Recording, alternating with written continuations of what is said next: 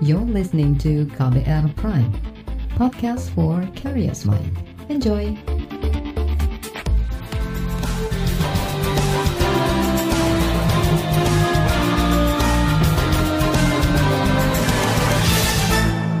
Halo saudara, senang sekali kami bisa menyapa Anda kembali dalam program KBR Sore untuk edisi hari ini, Kamis 1 Oktober 2020. Saya, Sindu Darmawan, akan menemani Anda selama kurang lebih 30 menit ke depan.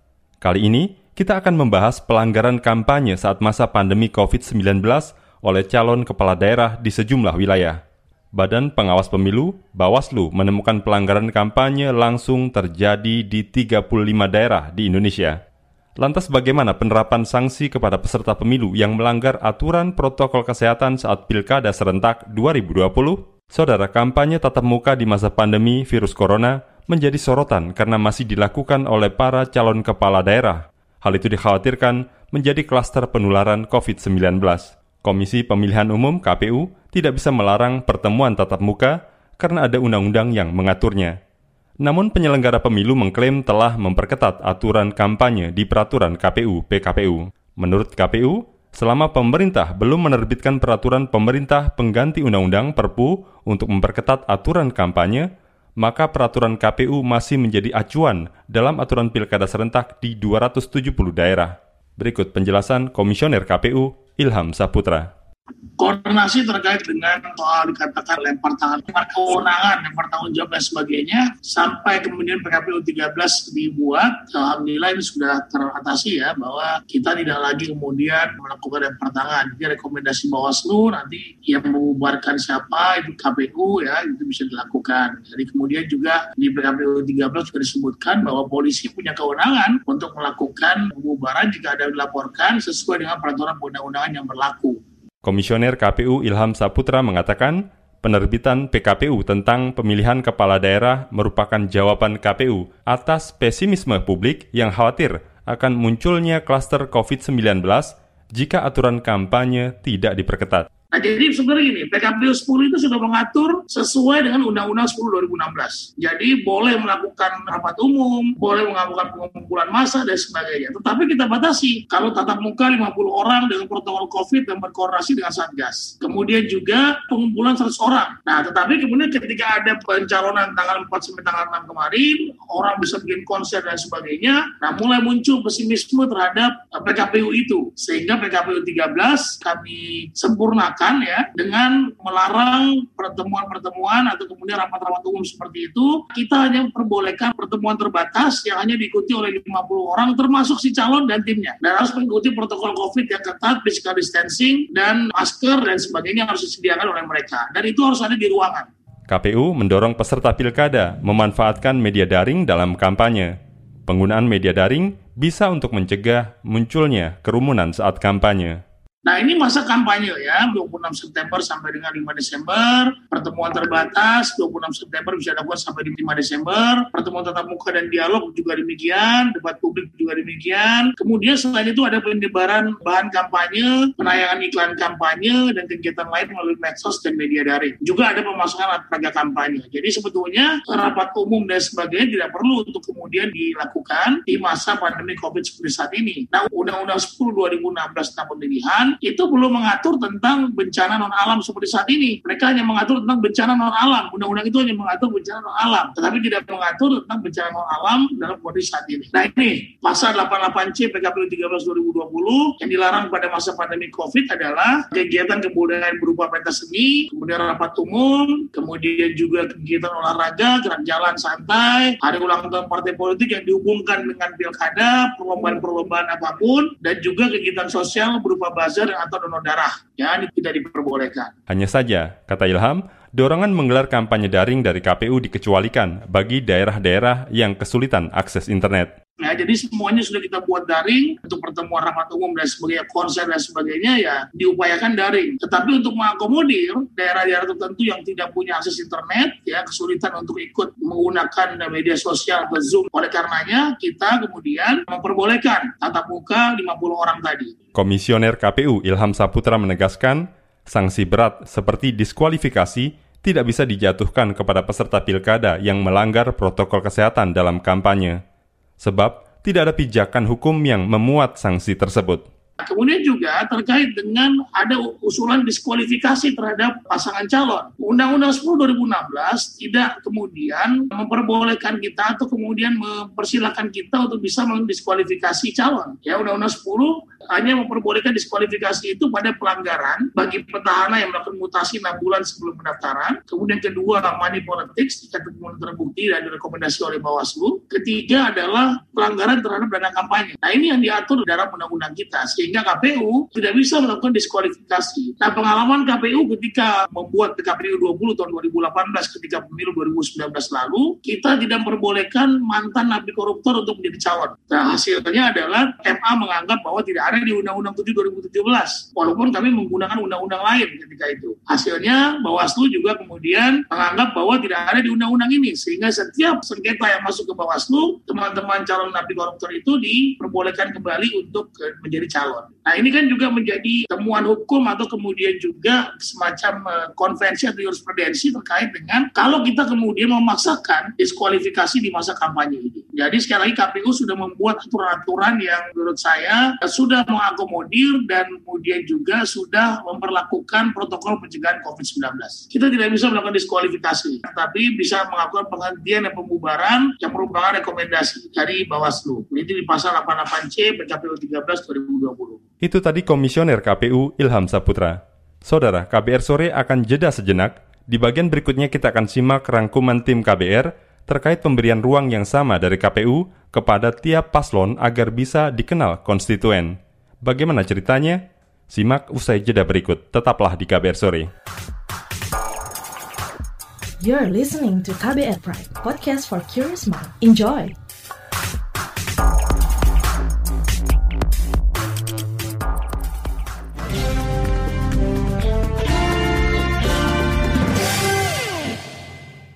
Saudara, tiap pasangan calon yang bertarung di Pilkada 2020 memiliki kekuatan dan modal politik yang beragam.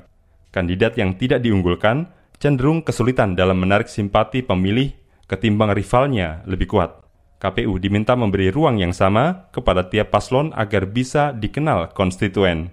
Simak laporan tim KBR yang dibacakan Astri Yuwanasari. Kandidat Wakil Wali Kota Solo dari jalur independen FX Suparjo mengaku kesulitan menjangkau calon pemilih selama masa kampanye. Selain situasi pandemi, ia dan pasangannya Bagio Wahono terbatas soal dana kampanye karena tidak mendapat dukungan parpol. Padahal rival mereka terbilang berat, yakni putra sulung Presiden Joko Widodo Gibran Rakabuming Raka yang berpasangan dengan Teguh Prakosa. Itu sebab Suparjo meminta KPU setempat lebih gencar mensosialisasikan ke warga tentang paslon yang yang bertarung di Pilwalkot Solo. KPU itu memang juga harus sosialisasi ke masyarakat.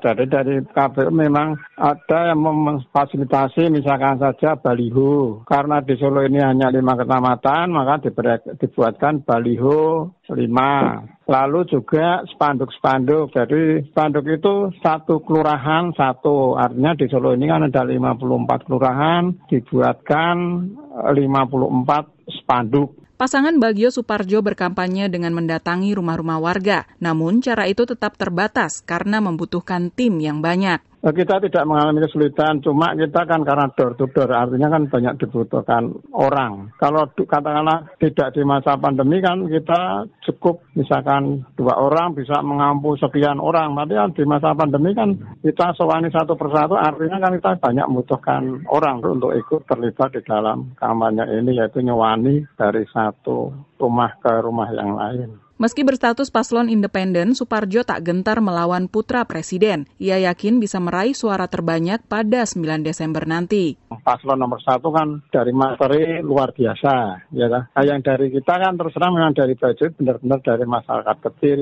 Artinya apa? Jadi kita punya masyarakat. Jadi yang suara yang pasti. Jadi itu kan yang kita datangi artinya kan suara yang pasti. Jadi modal kita adalah suara yang sudah pasti. Berbeda halnya dengan calon Bupati Sumba Timur NTT, Christopher Praing. Ia menyebut kinerja KPU setempat sudah cukup baik. Peran KPU sudah proporsional dalam memberikan ruang kepada tiap paslon dalam menarik pemilih. Menurut Chris, urusan kampanye merupakan tanggung jawab kandidat bersama tim. Ya udah, udah, udah, udah bagus kan dikasih kesempatan semua sama kan. Udah juga ya biar saja kan KPU udah bekerja, tinggal kita tunggu aja hasilnya seperti apa kan.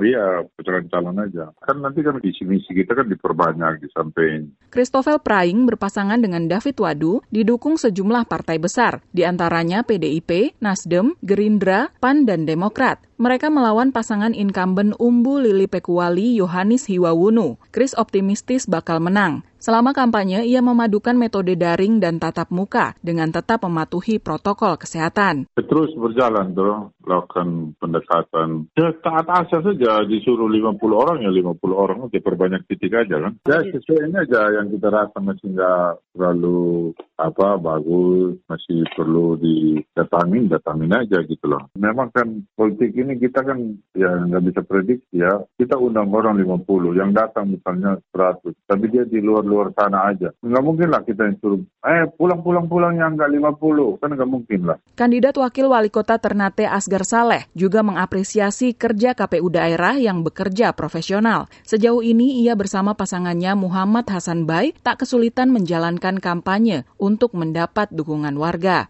sejauh ini menurut saya KPU-nya sangat bagus, uh, bekerja profesional, mereka mengikuti seluruh regulasi yang ada. Kemudian konsennya memang pada penegakan protokol kesehatan dan uh, relasinya dengan Bawaslu, teman-teman Bawaslu juga sangat efektif, didukung oleh pihak kepolisian. Jadi sejauh ini memang kita nyaman-nyaman saja, meskipun ini sesuatu yang baru ya, karena kampanye di tengah pandemi COVID seperti ini butuh pendekatan yang berbeda dibanding model kampanye-kampanye sebelumnya. Hasan Asgar yang diusung Partai Gerindra, Golkar, Hanura, dan Gelora harus berkompetisi dengan tiga paslon lain. Kandidat terkuat saat ini adalah Merlisa Marsaoli Juhdi Taslim yang diusung sejumlah parpol besar seperti PDIP, PAN, dan PKS. Meski begitu, Asgar yakin bakal meraih suara terbanyak 9 Desember nanti. Ia banyak memanfaatkan kampanye lewat media sosial dan tatap muka terbatas. Jadi kebetulan kami punya tim media, tim IT yang intens bergerak untuk media sosial seperti Twitter,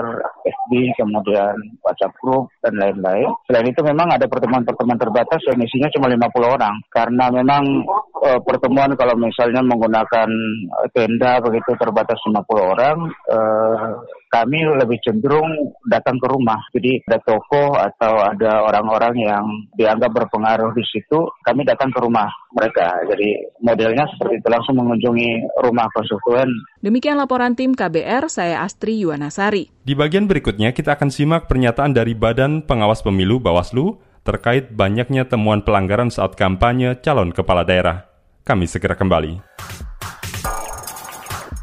You're listening to KBR Pride, podcast for curious mind. Enjoy!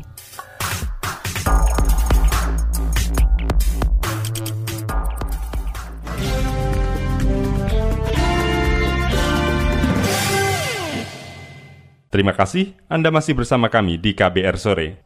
Saudara Badan Pengawas Pemilu Bawaslu mengungkapkan pelanggaran tahapan pilkada di masa pandemi COVID-19, terutama yang berkaitan dengan pelanggaran protokol kesehatan. Atas temuan sejumlah pelanggaran tersebut, Bawaslu kembali mendorong segera dikeluarkan peraturan pengganti Undang-Undang Perpu yang mengatur soal sanksi diskualifikasi pasangan calon bila melanggar protokol kesehatan. Berikut penjelasan anggota Bawaslu Rahmat Bagja saat diskusi daring di kanal Rumah Pemilu kemarin. Yang paling menjadi persoalan adalah menjadi perhatian kami dan evaluasi terhadap proses pendaftaran di tanggal 4 September sampai 6 September 2020 yang lalu. Kenapa ini jadi persoalan? Karena kami sudah mengingatkan melakukan pencegahan kepada teman-teman untuk tidak mau masa. Uh, tapi ini hal tersebut tidak diindahkan ya, karena masih banyak yang terjadi uh, pengerahan. Dan kemudian juga kami telah mengirim surat kepada parpol ya untuk tidak melibatkan masa dalam proses pendaftaran dan juga pasangan calon persoalangan yang telah kalau verifikasi faktual untuk tidak melakukan pendaftaran dengan membawa masa. Dan ada juga eh, dan ada yang mematuhi dan ada yang tidak. Kita apresiasi pada yang mematuhi dan pada yang tidak. Ini kami sudah melakukan penerusan pidananya ke kepolisian dan juga meminta kepada KPU untuk mengingatkan yang bersangkutan karena melanggar protokol COVID-19. Di lapangan juga sudah kami tegur bagian besarnya, tetapi karena tidak jelas ya eh, siapa yang berwenang apa pada saat itu, jadi kami berinisiatif untuk meneruskan pelanggaran pidana kepada kepolisian dan juga uh, melakukan proses pelanggaran administrasi kepada yang bersangkutan atau menegur yang bersangkutan jika membawa masa di lapangan. Yang kita sesalkan ada satu catatan satu satu satu dua catatan pertama adalah ada pasangan calon yang sudah mengetahui dirinya calon yang sudah mengetahui dirinya positif COVID-19 tapi masih nekat untuk daftar secara fisik. Nah, di, di PKPU sudah diatur bahwa bisa kemudian melalui proses video conference, tapi kemudian tidak dilakukan. Dan inilah yang terjadi, uh, salah satunya pengeluaran COVID-19 kepada penyelenggara, agak mengerikannya demikian. Bawaslu juga membuat beberapa catatan terkait pelanggaran di Pilkada Serentak 2020. Uh, yang kami sesalkan adalah munculnya izin keramaian ya, yang diberikan uh, oleh pemerintah daerah atau kepolisian terhadap arah-arahan masa dan juga pertunjukan musik pada saat pendaftaran pendaftaran. Nah, itu catatan bagi kami dan sehingga kemudian kami melakukan inisiatif untuk kemudian bersama-sama untuk merumuskan kembali bagaimana penanggulangan pencegahan kerumunan massa, yaitu dengan melakukan pertemuan dengan teman-teman kepolisian, dengan Mabes Polri, dengan TNI, Kemendagri, KPU, BKPB, kemudian Satgas COVID-19. Untuk memastikan jika misalnya kamu minta Kemendagri jika ketua Satgas, mantan ketua Satgas itu yang sekarang cuti menjadi calon petahana ataupun yang berkaitan dengan Forkompinda, yang berkaitan dengan Satgas COVID-19 agar mengingatkan yang bersangkutan agar tidak melakukan pelanggaran khusus apa yang perlu kita apa perlu diantisipasi adalah pada masa pengumuman penetapan pasangan calon Kemudian kedua adalah pengundian, yang ketiga adalah nanti pada saat kampanye. Nah, kami telah menentukan itu sekarang dengan uh, kami juga mendesak untuk PKPU diubah ataupun dikeluarkan perpu uh, melakukan diskualifikasi karena diskualifikasi melalui undang-undang tidak melalui KPU. Nah, oleh sebab itu karena uh, yang bersangkutan untuk diskualifikasi adalah itu termasuk dalam peniadaan hak asasi manusia. Oleh sebab itu harus diatur dalam undang-undang. Itulah yang paling kami antisipasi di awal untuk kemudian menjadi perhatian. Tapi tetap juga ada yang melanggar ya, misalnya untuk protokol 19, ya, misalnya untuk protokol 19. Uh, pada hari pertama kampanye terdapat 8 kegiatan yang dilakukan oleh pasangan calon yang tidak memenuhi pelanggaran protokol yang tidak memenuhi protokol 19 itu juga oleh Bawaslu, Bawaslu kemudian melakukan uh, teguran peringatan tertulis kepada yang bersangkutan dan kemudian jika tidak bisa di apa di uh, tidak ada rapat umum uh, mas teman-teman semua. Jadi uh, metode rapat umum ditiadakan di PKP nomor 13 tahun 2020. Kenapa ditiadakan? Salah satunya adalah untuk menghindari penyebaran COVID-19 yang luas.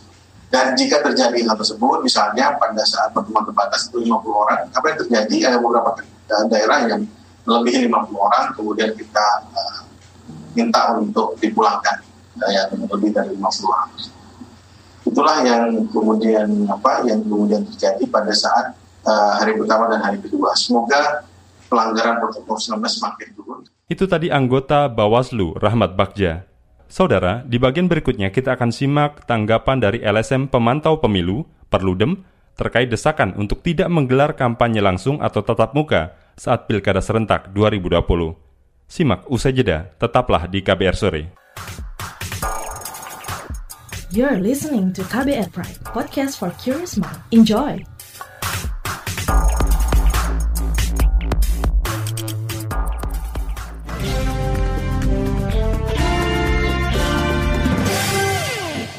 Anda masih mendengarkan KBR Sore. Saudara, LSM Pemantau Pemilu, Perkumpulan untuk Pemilu dan Demokrasi Perludem, mendorong penyelenggaraan tahapan pilkada yang aman saat pandemi COVID-19, khususnya saat masa kampanye. Berikut wawancara jurnalis KBR Reski Novianto dengan Direktur Eksekutif Perludem Hoirunisa Nur Agustiati. Sebenarnya kalau menurut Mbak Nisa sendiri dari Perludem, yang harus dilakukan KPU dan Bawaslu itu apa sih Mbak supaya uh, kampanye terbuka atau tatap muka tidak menjadi pilihan saat ini? Ya, sebetulnya kan kalau kita lihat definisi kampanye di Undang-Undang Pilkada kan kampanye itu adalah pendidikan politik yang dilakukan secara bertanggung jawab untuk meningkatkan partisipasi pemilih gitu. Jadi sebetulnya yang didorong gitu ya bukan sekedar dari KPU dan Bawaslu-nya tapi pasangan calon itu lebih bisa membuat strategi uh, kampanye sesuai definisinya tadi pendidikan pemilih yang dilakukan secara bertanggung jawab. Seperti apa misalnya pendidikan pemilih yang yang bertanggung jawab, dialog gitu ya, mendialogkan visi misi dan programnya gitu ya, kampanye yang sifatnya lebih dua arah. Jadi tidak sekedar kampanye yang yang selama ini gitu ya, selama ini kampanye dalam pemilu-pemilu sebelumnya kan mungkin yang rame gitu ya, mengadakan pertemuan yang melibatkan banyak masa gitu ya, mungkin ya seperti ada apa ya kerumunan gitu ya, ada ada konser dan sebagainya. Nah, akhirnya memang itu tidak bisa dilakukan lagi gitu. Jadi kembali ke definisi kampanye tadi. Lebih lebih kampanye-kampanye yang sifatnya dialogis, yang sifatnya bisa apa ya menjual visi misi dan program dari uh, si pasangan calon ini gitu. Jadi visi misi itu tidak sekedar barang mati yang diserahkan sebagai uh, syarat pendaftaran uh, pasangan calon kepala daerah gitu ya, yang kemudian berhenti di kantor KPU saja gitu ya sebagai syarat administratif. Tapi visi misi itu justru dalam kondisi seperti ini bisa lebih didialogkan gitu ya, sehingga mungkin uh, apa masyarakat ternyata punya aspirasi lain gitu, sehingga visi misi itu juga bisa uh, dikembangkan oleh pasangan calon tadi. Jadi harapannya sekarang kampanye-kampanye yang dilakukan oleh pasangan calon itu yang seperti itu, Mas. Kalau menurut Mbak Nisa sendiri, asas keadilan agar uh, paslon sendiri mendapatkan keseimbangan antara paslon satu dengan paslon lainnya saat kampanye seperti apa sih Mbak di tengah pandemi ini? Ya kalau uh, untuk mendapatkan keadilan sebetulnya kalau dari sisi penyelenggara pemilu tentu dalam menyampaikan informasi ya informasi terkait pasangan calon itu uh, perlakuannya harus sama antara pasangan calon yang satu dengan pasangan calon yang lain. Apalagi di daerah yang bercalon tunggal sebetulnya. Karena kalau di daerah calon tunggal itu kan sampai informasi yang diberikan uh, dari penyelenggara pemilu kepada masyarakat itu uh, hanya menyampaikan bahwa di sini hanya ada satu calon yaitu pasangan calon ini. Tapi kota kosongnya juga harus mendapatkan perlakuan yang setara karena uh, apa calon tunggal itu bukan berarti wajib untuk dipilih gitu ya masyarakat juga masih punya pilihan untuk memilih uh, kota kosong. Nah hal-hal semacam itu sebetulnya yang perlu menjadi perhatiannya penyelenggara pemilu gitu ya bahwa khususnya di daerah calon tunggal tadi bahwa uh, calon tunggal itu bukan suatu kewajiban dipilih uh, memilih kota kosong itu sesuatu hal yang uh, konstitusional gitu ya dan kalau kalau dia tidak di daerah yang berkota kosong ya tadi kesempatannya harus diberikan sama gitu ya eh, dalam berkampanyenya. Tidak boleh kan ada beberapa metode kampanye yang itu difasilitasi oleh eh, KPU melalui APBD gitu ya, penyebaran alat peraga misalnya debat publik uh, dan sebagainya. Nah itu juga uh, harus perlakuannya harus sama gitu ya, tidak boleh ada yang uh, dilebihkan antara satu pasangan yang calon dengan yang lainnya saran dan juga masukan dari Perludem agar uh, hmm. uh, tahapan kampanye sendiri berjalan aman, Mbak? Ini kan situasinya situasi yang sulit ya, situasi yang kita nggak pernah bayangkan sebelumnya.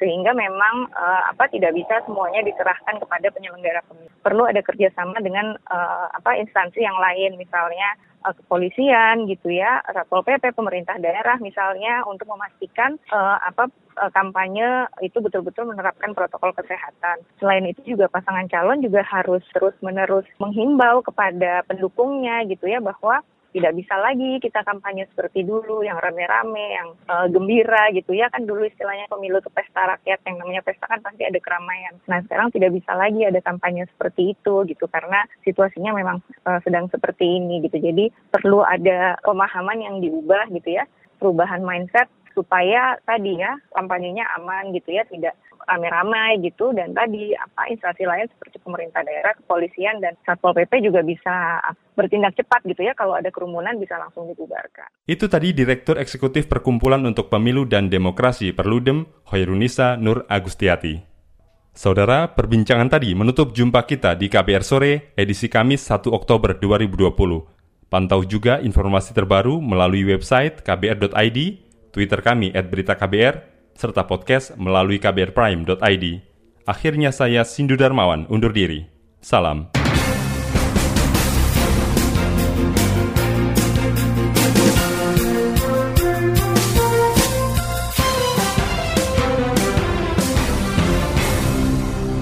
KBR Prime, cara asik mendengar berita. KBR Prime, podcast for curious mind.